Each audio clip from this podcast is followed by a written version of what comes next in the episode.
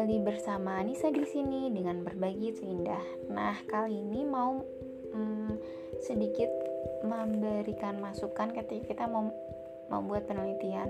Pertama, kita kan harus menentukan dulu ya mau data sekunder atau primer dan itu pun uh, data yang kita tentukan itu bakal mempengaruhi sistematika dari kita membuat penelitian tersebut gitu. Contohnya kalau misalkan buat primer, kalau misalkan mau pakai data primer otomatis kan kita nanti bakalan turun lapangan sendiri. Jadi uh, ya kita kerjain di depan jadi dari depan ke belakang gitu jadi mulai bab satunya bab dua bab tiga dan selanjutnya tapi ketika kita membuat penelitian itu menggunakan data sekunder nah uh, kita harus mengerjakan kayak kebalik gitu dari belakang ke depan. Kenapa kayak gitu? Karena kalau mau pakai data primer kan kita yang menentukan arah penelitiannya, tapi ketika kita mau pakai data sekunder itu dari data, jadi kita yang uh, ngeplotin mau ke arah mana nih penelitian kita dengan data-data yang available itu gitu. Jadi kalau pakai data sekunder itu kalau uh, kemarin pengalaman aku ketika aku penelitian menggunakan data sekunder hal yang aku lakuin pertama kali adalah membuat bab 3 bukan bab satu. Walaupun uh, di otak kita kita udah tahu gitu. Maksudnya uh, garis besarnya di bab satu itu kita itu mau ngambil penelitian kan itu kenapa gitu kan? Kalau di bab satu kan pertama kayak pendahuluan. Pendahuluan itu sebenarnya kayak reason kita ngambil penelitian itu gitu. Jadi secara garis besar sih kita udah tahu gitu. Cuma memang untuk detail-detailnya belum gitu. Dan aku pas itu ngerjain bab tiga dulu. Kenapa bab tiga dulu? Karena uh, kita memastikan gitu memang data yang kita butuhkan itu ada di kuesionernya.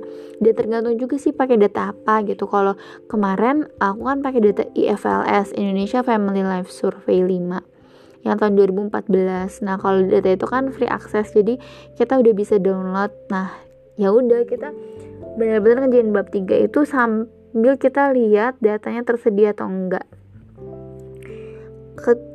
ketika datanya nggak tersedia kan bingung ya. Maksudnya yang nggak bisa diteliti.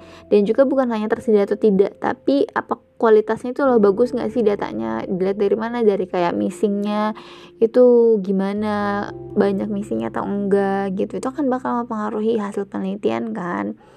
Seperti itu. Terus kalau misalkan kayak data risk desk gitu itu kan kita kayak harus propose proposal dulu kan. Jadi kita nggak bisa ngecek langsung datanya itu uh, gimana misinya dan lain sebagainya. Kita cuma propos proposal ini data yang kita butuhin.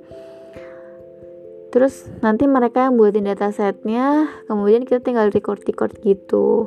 Seperti itu sedikit gambaran mengenai penggunaan data primer dan data sekunder.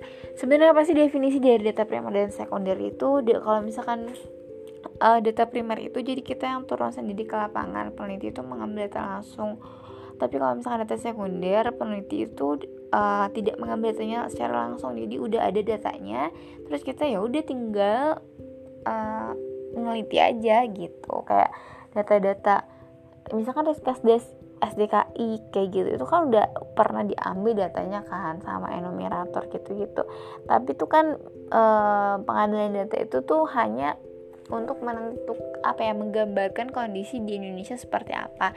Tidak untuk kayak penelitian dianalisis setiap variabelnya itu gitu. Dan seperti itu kurang lebih. Kalau ada pertanyaan silahkan hubungi aku di Instagram aku Nur Anissa Fauzia N U R A N I S A F A U Z I Y A H Fauzia.